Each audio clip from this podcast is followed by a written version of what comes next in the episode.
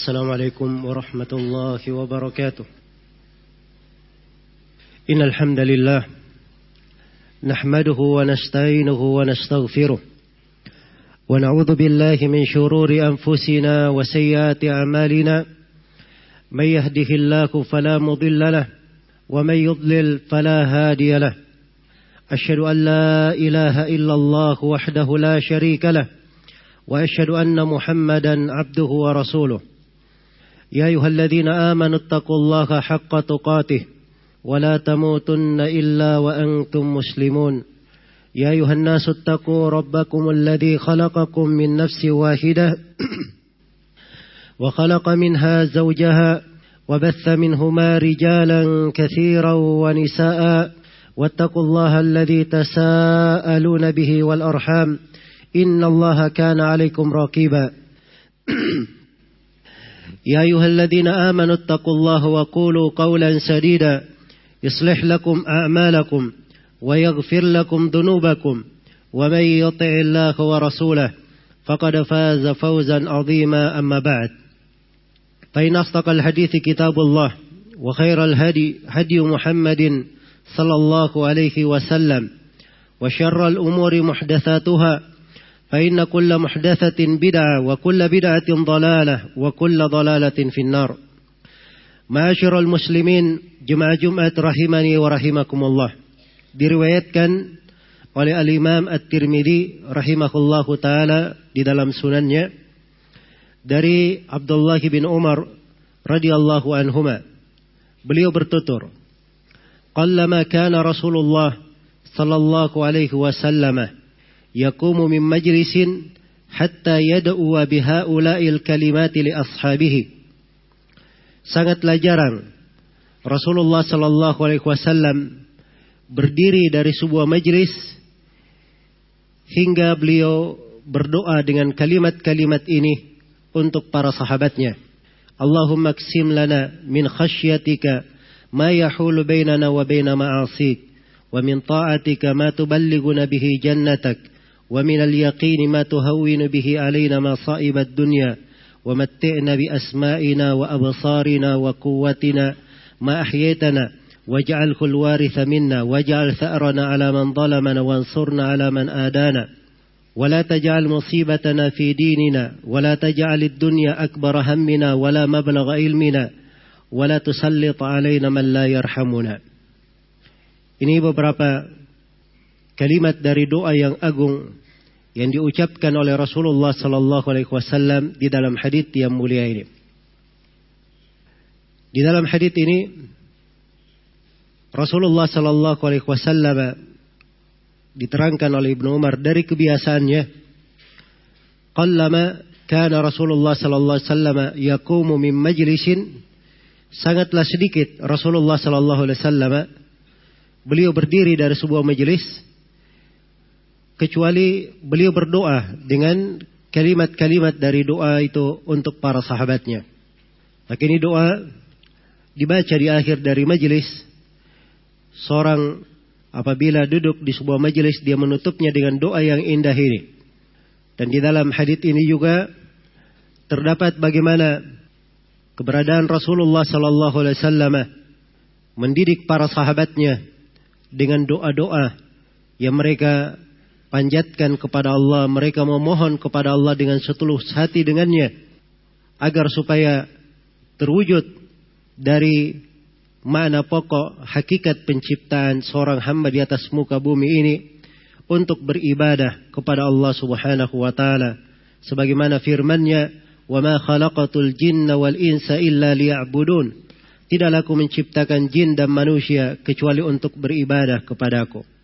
Seorang hamba yang baik ibadahnya kepada Allah adalah hamba yang hatinya hanya selalu terikat kepada Allah Subhanahu wa taala. Ketergantungannya hanya kepada Allah, terputus segala ketergantungan kepada selain Allah Subhanahu wa taala. Maka untuk hati bertauhid, hati yang selamat dan bersih seperti ini perlu selalu disiram dengan siraman-siraman tauhid selalu diikat dengan ikatan-ikatan doa yang membuatnya pasrah, tunduk dan berserah diri kepada Allah Subhanahu wa taala. Dan di dalam hadis ini juga terdapat sebuah dasar penting di dalam pembahasan ilmu bahwa seorang guru yang baik adalah seorang guru yang menghendaki kebaikan untuk orang-orang yang mengambil ilmu darinya. Karena itu wajar di dalam sebuah majelis ditutup dengan doa, dia mendoakan siapa yang hadir. Dan ini adalah kebiasaan berjalan di tengah para ulama dari dahulu hingga hari ini. Doa yang agung ini patut untuk kita cermati. Sudah sepantasnya untuk kita renungi dari mana dan berbagai kandungan-kandungan yang besar di dalamnya.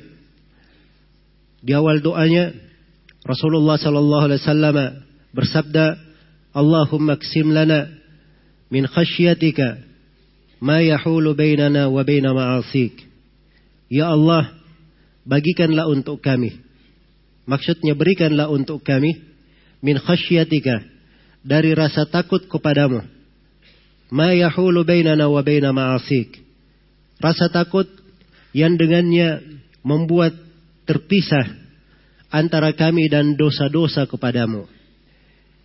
Ini permohonan yang pertama di dalam doa ini. Diajarkan oleh Nabi untuk berucap Allahumma ya Allah. Dan ini etika di dalam berdoa. Seorang hamba yang berdoa kepada Allah dari etika yang menyebabkan doanya dikabulkan adalah dia menyebut dari asmaul husna dari nama-nama Allah yang indah yang mencocoki doanya. Allahumma artinya ya Allah atau ya Rabbi wahai Rabbku, ya Razzaq, ya Allah yang Maha memberi rezeki, ya Rahman, ya Rahim, ya Karim dan seterusnya dari asmaul husna yang mencocoki dari doanya sebagaimana perintah Allah Subhanahu wa taala di dalam Al-Qur'an walillahil asmaul husna fad'uhu biha. Milik Allah lah nama-nama yang maha indah, maka berdoalah kalian dengannya. Ya Allah, bagikanlah iksim lana min khasyatika. Bagikanlah untuk kami dari rasa khasyah kepadamu. Rasa takut kepadamu. Menunjukkan bahwa rasa takut kepada Allah subhanahu wa ta'ala itu adalah anugerah dari Allah. Pemberian dari Allah. Kita memohonnya kita memintanya. Dan kalimat pembagian mirip dengan kata yang dipakai di dalam membagi harta, membagi dari kehidupan dunia. Hanya saja banyak dari manusia menyangka bahwa rezeki yang sampai kepadanya itu dinamakan rezeki kalau dia dalam bentuk harta. Seorang apabila dia mendapatkan perniagaan yang sangat beruntung, dia memperoleh laba yang sangat besar. Hasil dari transaksinya menggunung. Dia bahagia dengan hal itu, merasa diberi rezeki. Dan dia tidak menyadari bahwa rezeki yang paling besar itu adalah rezeki yang terkait dengan keimanan. Terkait dengan amalan-amalan hati. Seorang hamba apabila diberi anugerah oleh Allah berupa rasa takut, keikhlasan, rasa harapan, diberi oleh Allah Subhanahu wa taala anugerah berupa ketundukan, keridhaan dan seterusnya dari amalan-amalan hati dari bentuk-bentuk keimanan itu adalah rezeki yang sangat besar. Anugerah yang sangat berharga. Bahkan kadang suatu dari rezeki itu tidak bisa dinilai daripada dunia dan seisinya. Maka di sini dibahasakan di dalam hadis, Allahumma qsim lana, ya Allah bagikanlah untuk kami berikanlah untuk kami min khasyatika dari rasa takut kepada engkau. Menunjukkan bahwa rasa takut kepada Allah subhanahu wa ta'ala diminta dari Allah. Karena itu seorang hamba selalu memohon kepada Allah subhanahu wa ta'ala agar supaya diberi rasa takut kepadanya. Dan ini juga menunjukkan bahwa rasa takut itu tidak datang begitu saja. Tapi rasa takut itu muncul ada sebab-sebabnya. Ada sebab-sebabnya. Di antara sebabnya seorang berdoa memohon kepada Allah. Di antara sebab munculnya rasa takut, dia mempelajari ilmu agama. Sebab yang mengerti dan memiliki rasa takut, itu adalah orang-orang yang berilmu. Karena khasyah adalah rasa takut yang diiringi dengan pengetahuan terhadap apa yang dia takuti. Karena itu dalam Al-Quran dikatakan, Innama min ibadihil ulama. Sesungguhnya, yang takut kepada Allah subhanahu wa ta'ala dari hamba-hambanya hanyalah para ulama. Dan tentang para malaikat, Allah subhanahu wa ta'ala sifatkan mereka, Wahum min khasyatihi mushfiqun. Para malaikat itu terhadap rasa takut kepada Rabbnya, mereka adalah orang-orang yang selalu tunduk penuh dengan perendahan diri kepada Allah Subhanahu wa taala. Maka rasa takut diambil dengan sebab-sebab sehingga muncul rasa takut itu di dalam hati. Demikian pula dari sebab munculnya rasa takut adalah seorang banyak membaca Al-Qur'anul Karim, banyak membaca dari hadis-hadis Rasulullah sallallahu alaihi wasallam, mempelajari dari kisah-kisah para nabi, mengambil pelajaran dari kebinasaan umat-umat yang telah dibinasakan agar supaya tidak jatuh di dalam apa yang membinasakan mereka. Demikian pula dia banyak mengingat akan kematian, banyak mengingat sakaratul maut, banyak mengingat tentang alam kubur, banyak mengingat tentang kehidupan akhirat, tentang sorga dan neraka. Semuanya dari sebab-sebab yang memupuk rasa takut di dalam hati membesarkannya dan melahirkan berbagai buah dan keindahan. Maka rasa takut kepada Allah Subhanahu wa taala adalah hal yang sangat penting. Dengan rasa takut inilah seorang hamba itu termotivasi untuk beramal. Dia dijauhkan dari dosa-dosa dan maksiat. Karena itu dalam hadis disebutkan ma yahulu bainana wa baina ma'asik. Rasa takut yang menyebabkan kami terpisah antara kami dan dosa-dosa kami. Dosa ini apabila tidak dibarengi dengan rasa takut pada hati seorang hamba, maka hamba itu akan mudah jatuh di dalam dosa, gampang tertarik kepadanya. Karena dosa sifatnya seperti itu. Dia menarik dan jiwa apalagi jiwa itu dasarnya cinta kepada kejelekan dia tertarik dengan hal itu. Inna nafsa la ammaratun bisu illa ma rahima rabbi. Sungguhnya jiwa senang memerintah dengan kejelekan. Kecuali siapa yang dirahmati. Dan Nabi SAW telah bersabda, wa huffatin naru bisyahwat. Neraka itu diitari dengan syahwat. Kadang seorang berselera, ingin melakukannya. Ada syahwat di dalamnya. Karena itu, kita hendaknya memiliki sesuatu yang memisahkan antara kita dengan dosa-dosa tersebut. Dan itulah rasa khasyah, rasa takut kepada Allah Subhanahu wa taala. Maka dari pokok yang menjauhkan seorang hamba dari dosa dan maksiat adalah dia memiliki rasa khasyah, rasa takut kepada Allah Subhanahu wa taala. Dan untuk rasa takut ini sebab yang paling pentingnya sehingga ada rasa takut di hati seorang hamba adalah dia beriman dan beramal salih, mempelajari dari ilmu agama dan dengan itulah dia dimuliakan oleh Allah Subhanahu wa taala dengan sorga karena rasa takutnya. Jannatu adnin tajri min tahtiha al-anharu khalidina fiha abada. Radiyallahu anhum wa radu an dalika liman khasyiya rabbah. Sorga-sorga adin mengalir di bawahnya sungai-sungai. Mereka kekal di dalamnya selama-lamanya. Allah ridha kepada mereka dan mereka ridha kepada Allah. Dikatakan itu bagi siapa yang takut kepada Rabbnya. Punya khasyah kepada Allah subhanahu wa ta'ala. Kemudian yang kedua. Dikatakan di dalam hadith.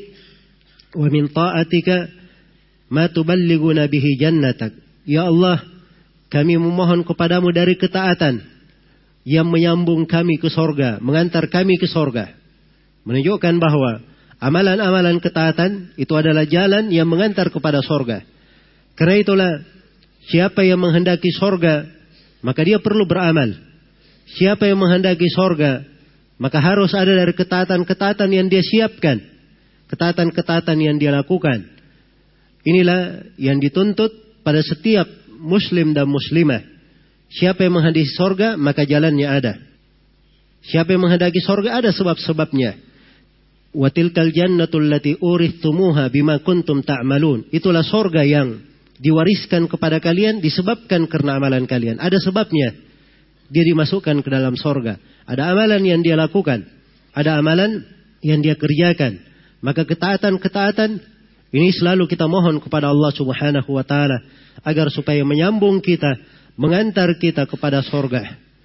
Dari sifat para nabi sallallahu alaihi wasallam yang disebutkan di dalam Al-Qur'an wa ja'alnahum a'immatan yahduna bi amrina wa auhayna ilaihim fi'lal khairati wa iqamas salati wa ita'iz zakati wa kanu lana abidin dan kami jadikan mereka para imam yang membawa petunjuk dan kami wahyukan kepada mereka untuk mengerjakan perbuatan yang baik-baik, segala kebaikan.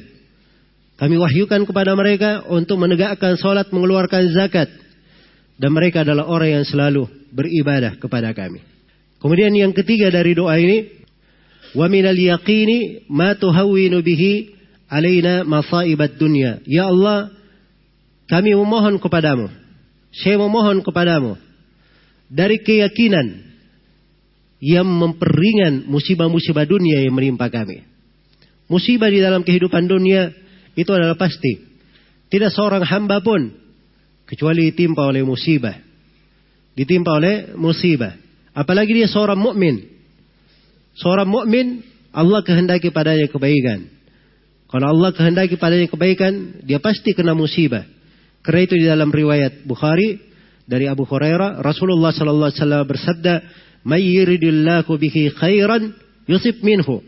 Barang siapa yang Allah kehendaki kebaikan pada seorang hamba, maka Allah akan timpakan padanya musibah. Hanya saja musibah yang menimpa kita, kita perlu keyakinan dari Allah. Kita memohon dari keyakinan yang memperingan dari musibah-musibah itu. Sehingga musibah ini yang oleh kasat mata dianggap pahit, sepintas lalu dianggap sebagai hal yang tidak menyejukkan, bisa berubah menjadi suatu kegembiraan, bisa berubah menjadi suatu ketaatan, bisa berubah menjadi suatu hal yang dia syukuri kepada Allah Subhanahu wa taala. Karena itu disebutkan dari para nabi dan para rasul dalam hadis yang sahih wa kanu yafrahuna bil bala kama tafrahuna bir raha. Adalah para nabi itu mereka bergembira dengan ujian sebagaimana kalian bergembira dengan kemudahan. Kita bergembira dengan kemudahan. Tapi para nabi kena ujian, mereka bergembira dengannya bersyukur dengannya. Ini perlu keyakinan. Dan derajat yakin itu adalah kekuatan di dalam hati. Melalui proses ilmu. Dari ilmu yang dia pelajari berbuah yakin. Maka keyakinan ini adalah hal yang selalu kita mohon kepada Allah Subhanahu wa taala. Dengannya akan ringan musibah itu. Ketika musibah menimpa, maka dia introspeksi terhadap dirinya, terhadap dosa-dosa dan kesalahannya Ketika musibah itu menimpa, dia selalu berbaik sangka kepada Rabbnya. Ketika musibah itu menimpa, maka dia ingat dari asma'ul husna, dari sifat-sifat Allah. Allah adalah Al-Qahhar, maha berkuasa. Tidak ada yang bisa menolak apa yang dia kehendaki. Tidak ada yang bisa menandingi segala dari kehendaknya dan kekuasaannya. Maka ini semuanya membawa dari pintu-pintu kebaikan hanya saja perlu dari yakin. Dan kita memohon kepada Allah supaya diberi keyakinan yang meringankan musibah-musibah itu. Kemudian yang keempat, wa absarina wa quwwatina ma ahyaitana. Ya Allah, berilah kenikmatan untuk kami dengan pendengaran-pendengaran kami, pelihatan-pelihatan kami dan kekuatan kami sepanjang kami masih hidup. Ini permohonan agar supaya kita selalu diberi oleh Allah Subhanahu wa taala afiat dijadikan oleh Allah Subhanahu wa taala selalu bersenang-senang dengan tiga nikmat ini. Nikmat pendengaran, nikmat pelihatan, dan nikmat kekuatan. Pendengaran dan pelihatan ini adalah nikmat yang sangat besar. Darinya seorang melihat kebesaran-kebesaran Allah, kemudian dengannya dia mendengar hal-hal yang baik dan dengan kekuatannya dengannya dia beramal. Dia melakukan ketaatan apa yang mendekatkannya kepada Allah Subhanahu wa taala. Maka kita selalu memohon agar supaya diberi oleh Allah Subhanahu wa taala hal yang indah ini. Dan inilah yang menjaga seseorang itu di mana dia tumbuh dari di kehidupannya hingga dia tua tetap diberi dari pendengaran, diberi dari penglihatan, diberi dari kekuatan yang baik. Dan ini salah satu doa yang diajarkan oleh Nabi Shallallahu Alaihi Wasallam. Di samping ada doa-doa yang lain untuk hal tersebut. Kemudian di kelanjutan doa, waj'alhul waritha minna. Ya Allah jadikanlah pendengaran, pelihatan dan kekuatan kami itu adalah pewaris dari kami. Maksudnya pewaris dia adalah hal yang menutup dari kehidupannya yang selalu bersamanya hingga mereka meninggal, hingga akhir hayatnya. Dikatakan sebagai pewaris karena dia bersamanya hingga akhir hayatnya seakan-akan dia yang mewarisinya. Ini salah satu dari dua makna terkait dengan hadits ini yang disebutkan oleh para ulama. Iya. Kemudian di kelanjutan doa, waja'al ta'rana ala man. Ya Allah jadikanlah pembalasan kami terhadap siapa yang mendolimi kami. Pembalasan terhadap mendolimi kami. Dia mohon kepada Allah membalas untuk dirinya. Tapi dia berdoa khusus di batasan orang yang mendolimi. Sebab seorang mukmin dia tidak boleh melampaui batas di dalam doa. Dia berdoa pada hal yang merupakan haknya. Pada orang yang mendoliminya. Jangan orang yang tidak mendoliminya dia doakan juga. Tapi pembalasannya terhadap siapa yang mendoliminya. Dan ini terdapat bolehnya orang-orang yang didolimi dia berdoa kepada Allah Subhanahu wa taala agar supaya ia dipelihara dari kedoliman dan dijauhkan dari orang-orang yang mendoliminya. Dan Rasulullah sallallahu alaihi wasallam dalam hadis riwayat Bukhari dan Muslim pernah bersabda, "Wattaqi da'watat mazlum fa innahu laysa bainaha wa bainallahi hijab." Hati-hati kalian dari doa orang yang didolimi karena tidak ada perantara antara doa mereka dengan Allah Subhanahu wa taala. Maksudnya doanya itu layak dikabulkan, mudah untuk diistijabah oleh Allah Subhanahu wa taala. Dan Allah Subhanahu wa taala berfirman, "La yuhibbullahu al-jahra bis-su'i minal qawli illa man dhulim." Allah tidak menyenangi orang yang terang-terangan berucap yang jelek kecuali orang yang dizalimi. Jadi kalau dia dizalimi, dia kadang diizinkan untuk berdoa terhadap apa yang menimpanya agar supaya ditolak dari kezaliman yang menimpanya. Wansurna ala man adana. Kemudian kelanjutan dari doa, ya Allah tolonglah kami terhadap siapa yang memusuhi kami meminta pertolongan agar supaya diberi pertolongan terhadap siapa yang memusuhinya. Musuh manusia itu banyak. Musuh yang paling besarnya adalah syaitan. Inna syaitan lakum adu, fattakhiduhu aduwa. Sungguh syaitan itu adalah musuh. Jadikan dia selalu sebagai musuh. Dan di antara musuh manusia adalah kaum munafikin. Humul adu fahdarhum. Mereka adalah musuh, hati-hati kalian dari mereka. Di antara musuh adalah Orang-orang kafir, ya ayuhalladzina amanu la tattakhidu aduwi wa aduwakum awliya'a. Wahai orang-orang yang beriman, jangan kalian jadikan musuhku dan musuh kalian sebagai wali-wali, sebagai teman-teman, pendamping-pendamping, dan sebagai orang-orang yang kalian berikan loyalitas. Demikian pula terhadap manusia yang memusuhi kita, yang menghendaki bahaya untuk kita, kita memohon kepada Allah supaya ditolong dari musuh-musuh kita wansurna ala man adana. Tolonglah kami terhadap siapa yang memusuhi kami. Kemudian dikatakan di dalam hadis, "Wala taj'al musibatana fi dinina." Ya Allah, janganlah Engkau jadikan musibah yang menimpa kami di dalam agama kami. Musibah yang paling berat di dalam agama. Adapun dunia itu ringan, tapi musibah di dalam agama itu lebih berat. Dan ini pembahasan tentang Jenis musibah yang paling berat ini terbalik di tengah manusia. Sebagian manusia, kalau dia kehilangan rumahnya, terbakar misalnya rumahnya, waliyadzubillah. Atau dia kehilangan sesuatu yang berharga dari dunianya, dia sangat sedih. Mungkin dia bersedih berbulan-bulan, bertahun-tahun, sudah lama. Dia kehilangan masih dia ingat. Tapi kalau dia luput, sholat subuh berjamaah, dia santai saja, tenang saja. Tidak ada masalah. Padahal ini Kadang terjadi pada sebagian sahabat mereka luput sholat asar berjamaah, dia infakkan tanahnya yang paling berharga karena penyesalannya. Dan ini adalah sifat yang hendaknya ditanamkan di dalam hati. Selalu dia memohon kepada Allah, jangan musibah yang menimpanya di dalam agama. Karena musibah di dalam dunia itu lebih ringan daripada musibah yang menimpa di dalam agama. أقول ما تسمعون وأستغفر الله لي ولكم ولسائر المسلمين من كل ذنب إنه هو الغفور الرحيم الحمد لله على إحسانه والشكر له على توفيقه وامتنانه أشهد أن لا إله إلا الله وحده لا شريك له تعظيما لشانه وأشهد أن محمدا عبده ورسوله الداعي إلى رضوانه alaihi wa alihi wa ikhwanihi amma ba'd. Kaum muslimin jemaah Jumat rahimani wa rahimakumullah.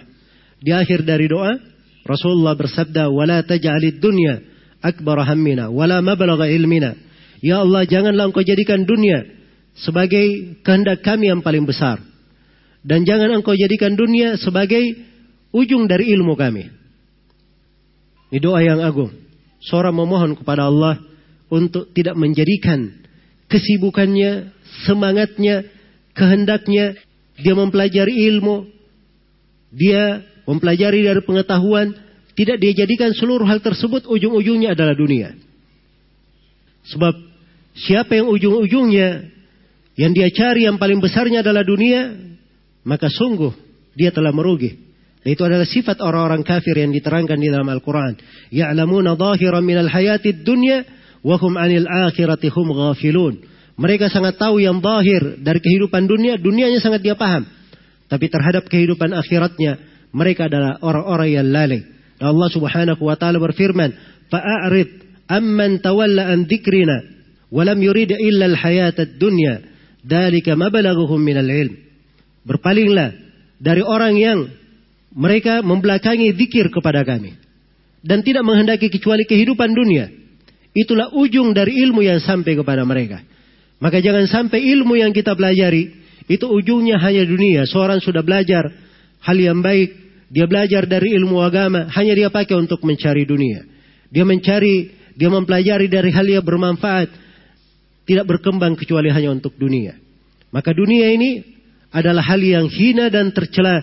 Kita selalu memohon kepada Allah Subhanahu wa taala untuk tidak menjadikan kesibukan kita yang terbesar pada perkara dunia.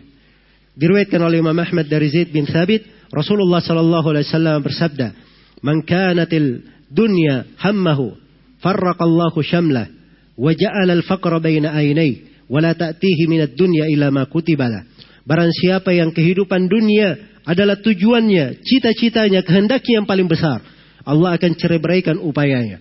Dijadikan kefakiran antara kedua matanya dan tidak akan datang kepadanya dari kehidupan dunia kecuali apa yang Allah telah gariskan, apa yang Allah telah takdirkan. Tapi sebaliknya wa man kanatil hamma jama'a Allahu syamla wa ja'ala al-ghina fi qalbi wa ta'tihi dunya wa hiya.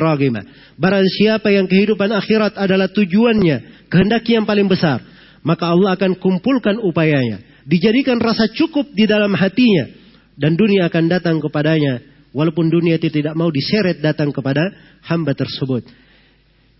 Di akhir dari doa Rasulullah bersabda, "Wala tusallit alaina man la yarhamuna." Ya Allah, janganlah Engkau menjadikan orang yang tidak merahmati kami sebagai orang-orang yang berkuasa di tengah kami. Jangan berikan kekuasaan kepada mereka yang tidak merahmati kami. Kita selalu memohon kepada Allah agar siapa yang memegang perkara kita, yang berkuasa di tengah kita adalah orang-orang yang merahmati kita. Dan ini doa selalu kita mohon kepada Allah Subhanahu wa taala, tapi harus diiringi dengan aplikasinya dalam kehidupan, ada pembuktian. Kalau dia ingin dirahmati, dia lakukan sebab-sebab rahmat Ingin diberi pemimpin yang baik, maka dia juga menjadi orang-orang yang baik.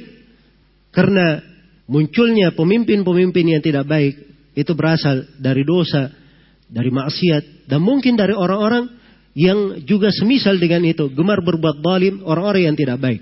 Karena itu dalam Al-Quran dikatakan, وَكَذَلِكَ نُوَلِّ بَعْضَ الظَّالِمِينَ بَعْضًا بِمَا كَانُوا يَكْسِبُونَ Demikianlah kami jadikan orang-orang yang zalim itu sebagian dari mereka memimpin sebagian yang lainnya.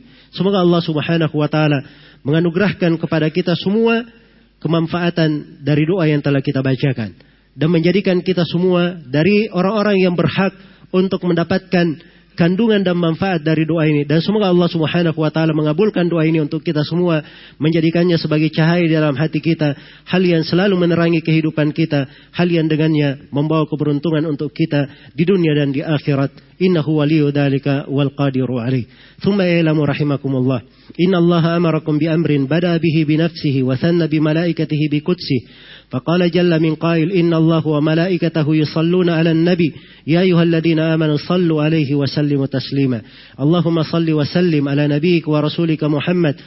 وارض اللهم عن خلفائه الراشدين أبي بكر وعمر وعثمان وعلي وعن الصحابة أجمعين. وأن معكم بفضلك وجودك وإحسانك يا أرحم الراحمين.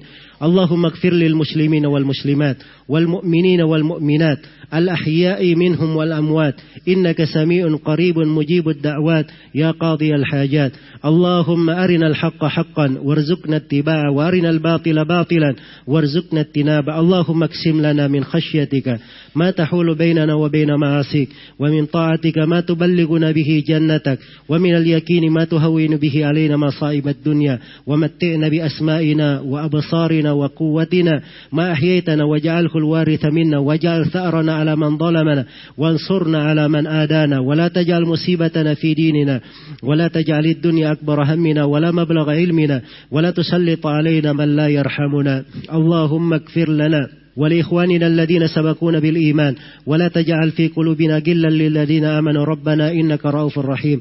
ربنا ظلمنا أنفسنا وإن لم تغفر لنا وترحمنا لنكونن من الخاسرين. ربنا آتنا في الدنيا حسنة وفي الآخرة حسنة وقنا عذاب النار. عباد الله إن الله يأمر بالعدل والإحسان وإيتاء ذي القربى وينهى عن الفحشاء والمنكر والبغي.